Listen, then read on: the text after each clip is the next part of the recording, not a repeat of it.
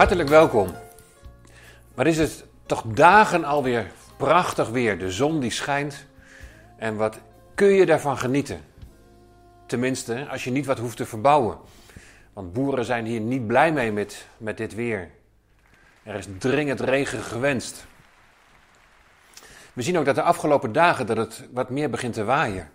En wind kan zowel positief als negatief zijn. als je op de fiets zit en je hebt de wind mee, dan is dat fantastisch. Ik weet nog dat ik vroeger met Karin meeging, met haar ouders op vakantie. Dat was in onze verkeringstijd. En we gingen dan naar Dwingelo, maar de auto was niet groot genoeg, dus wij gingen op de fiets. En de terugweg, nou hadden we de wind mee. Van Dwingelo naar Deventer, zo'n 100 kilometer, nou fantastisch. En we waren binnen de kortste keren op, op de plek van bestemming. Maar we hebben ook wel eens de wind tegen gehad. Kan ik me ook nog herinneren op Tessel. Oh, verschrikkelijk. Bovenop de pedalen, uiterste inspanning. Je ging kapot.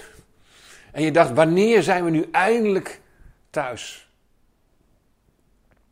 In figuurlijke zin kun je de wind ook mee hebben, maar ook tegen hebben. Als je de wind mee hebt, ja, dan gaat alles goed. Dan gaat alles voorspoedig. Dan heb je heel veel om dankbaar voor te zijn. Het gaat fantastisch. Maar zeker in een tijd als deze, een tijd van crisis, kun je de wind ook tegen hebben. Misschien maak je je zorgen om je gezondheid. Of je inkomen. Of misschien voel je je eenzaam. Er kunnen zoveel omstandigheden zijn dat je echt dat gevoel hebt, de wind zit tegen. Nou, in het Hebreeuws staat voor het woord wind ruach. En ruach betekent ook geest.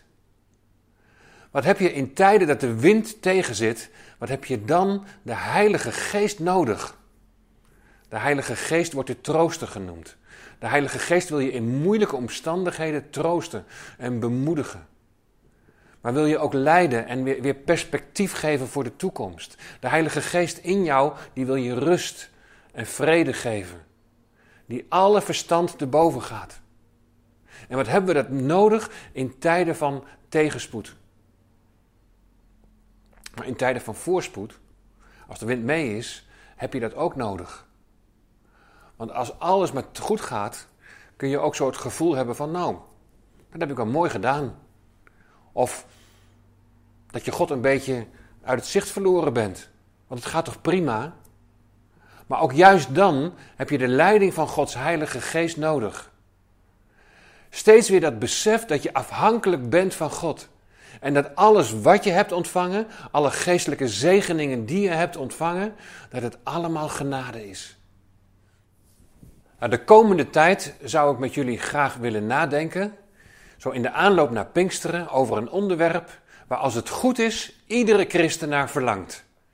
En dat is het onderwerp een geestvervuld leven. Wat is dat? Een geestvervuld leven, dat wil zeggen dat je in ieder geval het verlangen hebt om vol te zijn van de Heilige Geest. Nou, wat dat is, daar zullen we in de komende tijd nog wel bij stilstaan. En dat je ook het verlangen hebt om je door Gods Geest te laten leiden. Nou, in de voorgaande overdenkingen, de afgelopen drie weken, heb ik vooral gelezen uit het Oude Testament. Uh, verschillende psalmen, Zacharia hoofdstuk 4. En misschien is het je opgevallen dat we eigenlijk iedere keer weer terechtkwamen bij de tempel. De verblijfplaats van God, daar waar God aanwezig is. En steeds heb ik benadrukt hoe belangrijk het is om dicht bij God te leven. Om te leven in afhankelijkheid van Hem. Nu weten we dat op een gegeven moment die tempel is verwoest, ten tijde van de ballingschap door Nebukadnezar. En dan kun je lezen in, in de profeet Ezekiel dat in die tijd de heerlijkheid van God uit de tempel is weggegaan. En als je daar verder leest, dan, dan lees je dat die heerlijkheid eigenlijk weggegaan is via de olijfberg. Nu is er met de komst van de Heer Jezus weer een hele nieuwe situatie ontstaan. Want met zijn komst is de heerlijkheid van God op deze aarde verschenen. En we kunnen dat lezen in Johannes hoofdstuk 1, vers 14. En daar staat, en het woord is vlees geworden. Het woord is de Heer Jezus. Hij is vlees geworden, hij is mens geworden. En hij heeft onder ons gewoond. Hij heeft onder ons, staat er letterlijk, getabernakeld. Hij heeft hier zijn aardse tent opgeslagen. Hij is met zijn aardse lichaam hier op aarde gekomen. Geboren uit de maagd Maria. In de Heer Jezus Christus is Gods heerlijkheid op deze aarde verschenen. En dat zegt Johannes ook. Want als je verder leest in Johannes 1, vers 14, daar staat er: En wij, zegt Johannes, hebben zijn heerlijkheid gezien. Een heerlijkheid als van de enig geborene van de Vader, vol van genade en waarheid. Maar we weten ook dat na het sterven en de opstanding van de Heer Jezus, dat de heerlijkheid van God weggenomen is. Weer vanaf, via diezelfde plek, via de Olijfberg, is de Heer Jezus opgevaren naar de hemel. Maar daarna wordt het Pinksteren en dan ontstaat er weer een nieuwe situatie. Misschien kun je je nog herinneren dat ik een overdenking stilgestaan heb bij Exodus 12 over de instelling van het Pascha en het feest van de ongezuurde broden. En toen heb ik een link gelegd naar 1 Korinthe hoofdstuk 4 en 1 Korinthe hoofdstuk 6. Want in die gemeente daar gaat van alles mis, daar wordt zwaar gezondigd. En dan zegt Paulus, en ik zei van het klinkt alsof hij helemaal vertwijfeld is, weten jullie dan niet? En dan zegt hij bijvoorbeeld in 1 Korinthe 6, of weet u niet dat uw lichaam een tempel is van de Heilige Geest, die in u is en die u van God hebt ontvangen en dat u niet van uzelf bent? U bent immers duur gekocht, verheerlijk daarom God in uw lichaam en in uw geest, die van God zijn. Dus de, de heerlijkheid van God is teruggekeerd door de Heilige Geest, die woning in ons heeft gemaakt. We zijn niet langer van onszelf, maar we behoren Hem toe. We behoren onze Heer toe. En we zijn als het ware in beslag genomen door de Heilige Geest. En geroepen om, zoals dat hier staat, God in ons lichaam en in onze geest te verheerlijken. Hem groot te maken. Een geest vervuld leven. Nou, voor deze eerste keer wil ik met jullie een gedeelte lezen uit de brief uit Efeze. En we zullen de komende tijd steeds een, een, een vers of twee versen uit de Efezebrief nemen. Die gaat over het onderwerp van de Heilige Geest, over een geestvervuld leven. En deze eerste keer wil ik met jullie stilstaan bij Efeze 1, vers 13 en 14. En het gaat over de verzegeling met de Heilige Geest.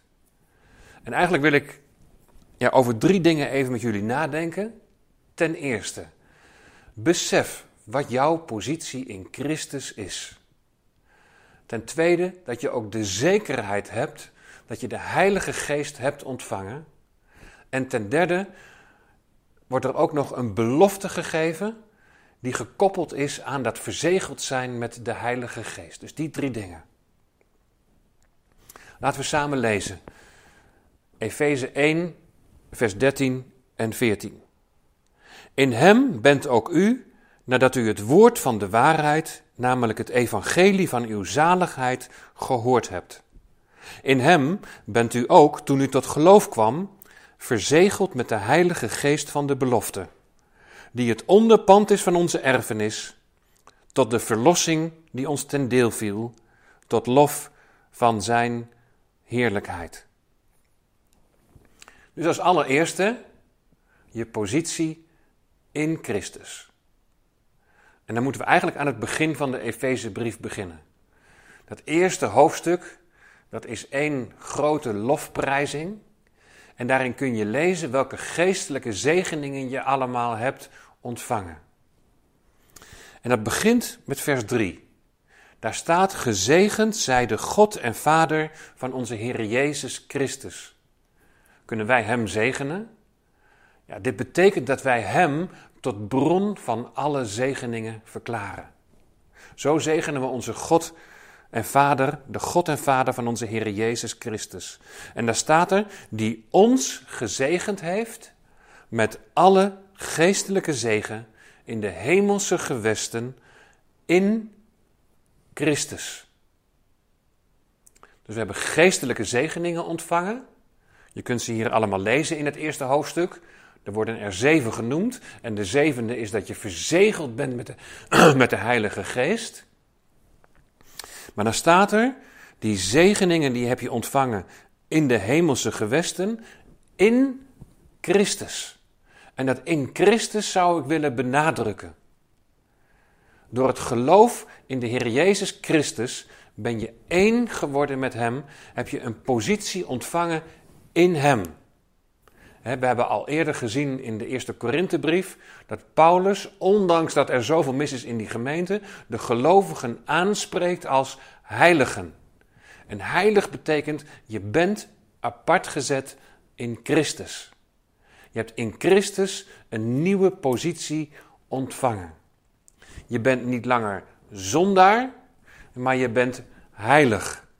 Een heilige die nog zondigt. Maar je bent verlost. Dus in Christus een positie ontvangen. En dan staat hier in de hemelse gewesten. Letterlijk staat er in het bovenhemelse. En dat is de verblijfplaats van God. We hebben geestelijke zegeningen ontvangen in Christus. En onze positie is in de hemelse gewesten. In het bovenhemelse, daar waar God aanwezig is. Maar daar waar ook de Heer Jezus aanwezig is.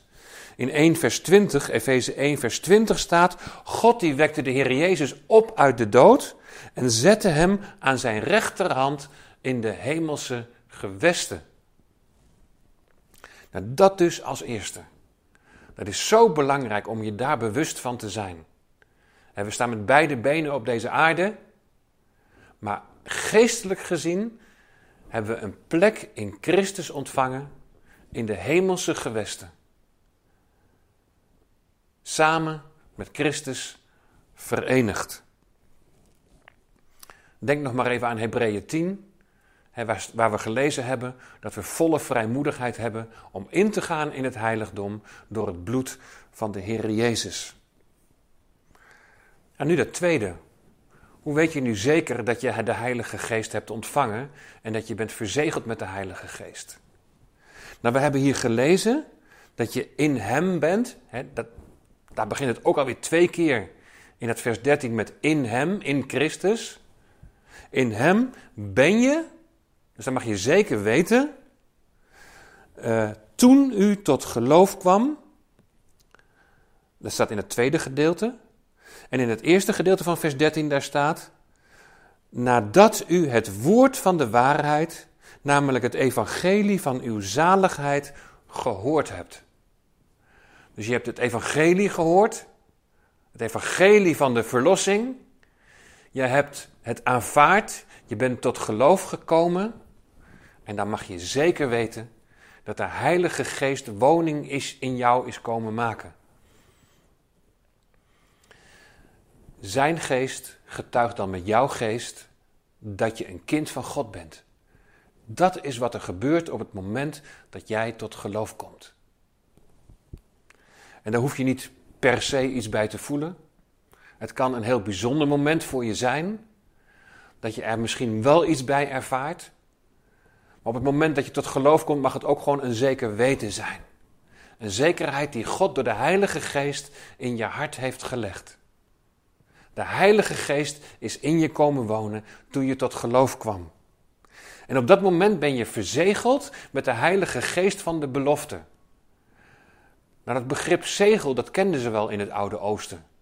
En eigenlijk wil die verzegeling zeggen dat dat een eigendomskenmerk is. Op het moment dat je tot geloof komt, drukt God als het ware zijn stempel op jou en daarmee zegt hij: Je bent mijn eigendom. Je bent mijn kind. Je behoort mij toe. Wat een rijkdom van genade is dat. God zo dichtbij gekomen. Die zijn Heilige Geest in jouw hart geeft. En die daarmee jou als het ware verzegelt. En die verzegeling is dan echt dat eigendomsmerk, je behoort mij nu toe. Hebben we net gelezen in de Korinthebrief, je behoort jezelf niet meer toe, maar je behoort hem toe die jou lief heeft. Die jou heeft gekocht en betaald met een hele dure prijs. Je bent verzegeld. Dat geeft ook iets aan van bescherming. Dat God zegt, je behoort mij toe.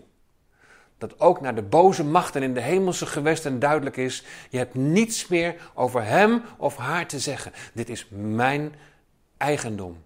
Er is voor jou geen toegang. Nee, er is alleen toegang voor Gods Heilige Geest. Een geest vervult leven. Het verlangen om vol te zijn van de Heilige Geest. Het was niet alleen een eigendomskenmerk, maar het was ook een waarmerk. In Johannes 6, vers 27 kun je lezen dat de Heere God ook de Zoon verzegeld heeft. In Johannes 6, vers 27 staat: Hem, dat is de Zoon, hem heeft God de Vader verzegeld. God de Vader die heeft hem als het ware gewaarmerkt als dit is de Verlosser. En zo zijn wij ook gewaarmerkt als zijnde verlost. Verzegeling betekent, je bent Gods eigendom, je bent Gods kind. En je bent gewaarmerkt, je bent verlost, je bent vrijgekocht, je bent bevrijd. En als derde, de belofte. De belofte die gekoppeld is aan deze verzegeling met de Heilige Geest. Verzegeld met de Heilige Geest van de belofte, staat in vers 13, die het onderpand is van onze erfenis, tot de verlossing die ons ten deel viel, van de verkrijging tot lof van zijn heerlijkheid. Nou, geen eenvoudig vers, we gaan er geen uitgebreide Bijbelstudie van maken. Maar wat je in ieder geval hier ziet, is de belofte van een erfenis. Je hebt nog wat te goed. Er wacht jou een geweldige erfenis en de Heilige Geest in jou, die is daartoe als onderpand gegeven. Dat je er ook echt zeker van mag zijn dat je die erfenis zult ontvangen. Nou wordt dit vers een beetje tweeledig uitgelegd. En wat mij betreft hoeft het elkaar helemaal niet te bijten, maar ligt het prachtig in elkaars verlengde. Ten eerste wordt er gezegd dat hier bedoeld wordt dat wij die erfenis zullen ontvangen op de dag van de verlossing. In Efeze 4, vers 30, daar staat dat wij verzegeld zijn tot de dag van de verlossing. Er zal een dag van verlossing zijn. Dat wordt ook wel de dag van Christus genoemd. En die verlossing betekent dat wij dit aardse lichaam, dat wij, deze kwetsbare aardse tent zullen afleggen en dat wij in Christus een verheerlijk lichaam zullen ontvangen. Dat is een erfenis waarin we, waarmee we vooruit kunnen zien. Vooruit kunnen zien naar een geweldige belofte van herstel.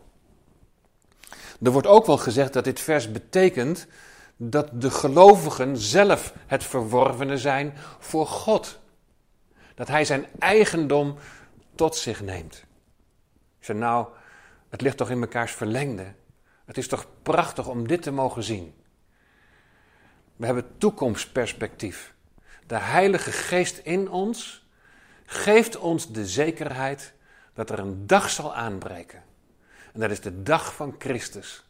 Dat wij Hem tegemoet zullen gaan om voor altijd bij Hem te zijn. En dan zal dit aardse lichaam plaatsmaken voor een verheerlijk lichaam.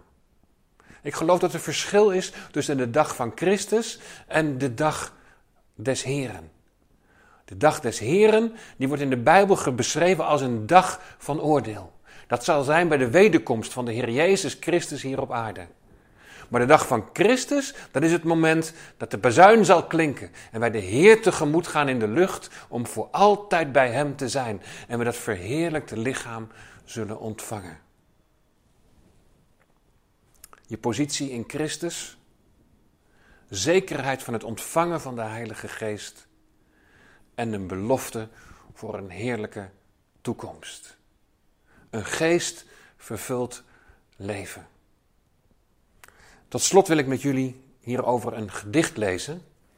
En als je die zekerheid van het ontvangen van de Heilige Geest al hebt, ja, dan mag je dit gedicht meeluisteren als een bevestiging en als een bemoediging.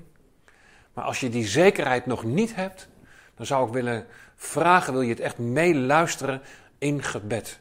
En wil je het echt uh, binnen laten komen? Het zegel van Gods geest. Toen jij gehoor gaf aan zijn woord, in woorden van overgave en berouw, gaf hij in hemelse akkoorden het zegel van Gods geest aan jou.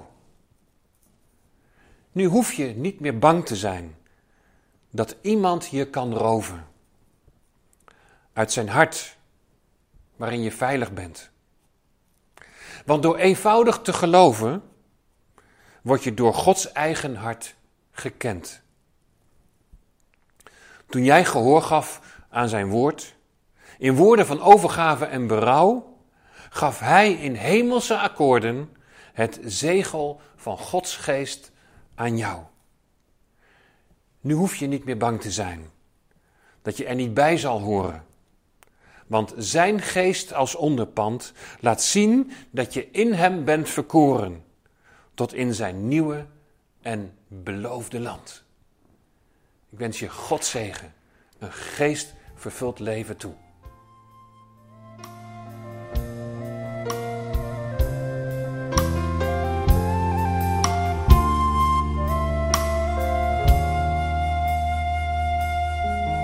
Als mijn hart niet ontwaakt uit een nacht van verdriet en de zon niet meer schijnt, ik het daglicht niet zie. Als het donker in mij blijft en mijn hart schreeuwt om